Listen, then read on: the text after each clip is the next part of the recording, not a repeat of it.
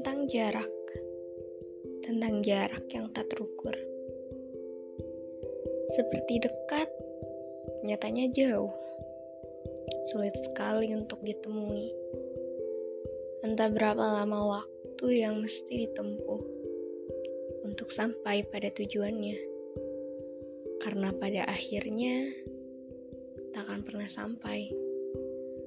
Bukan lagi tentang lagi tentang ruang. Ini semua tentang rasa yang tak sampai. Kamu memang di sini,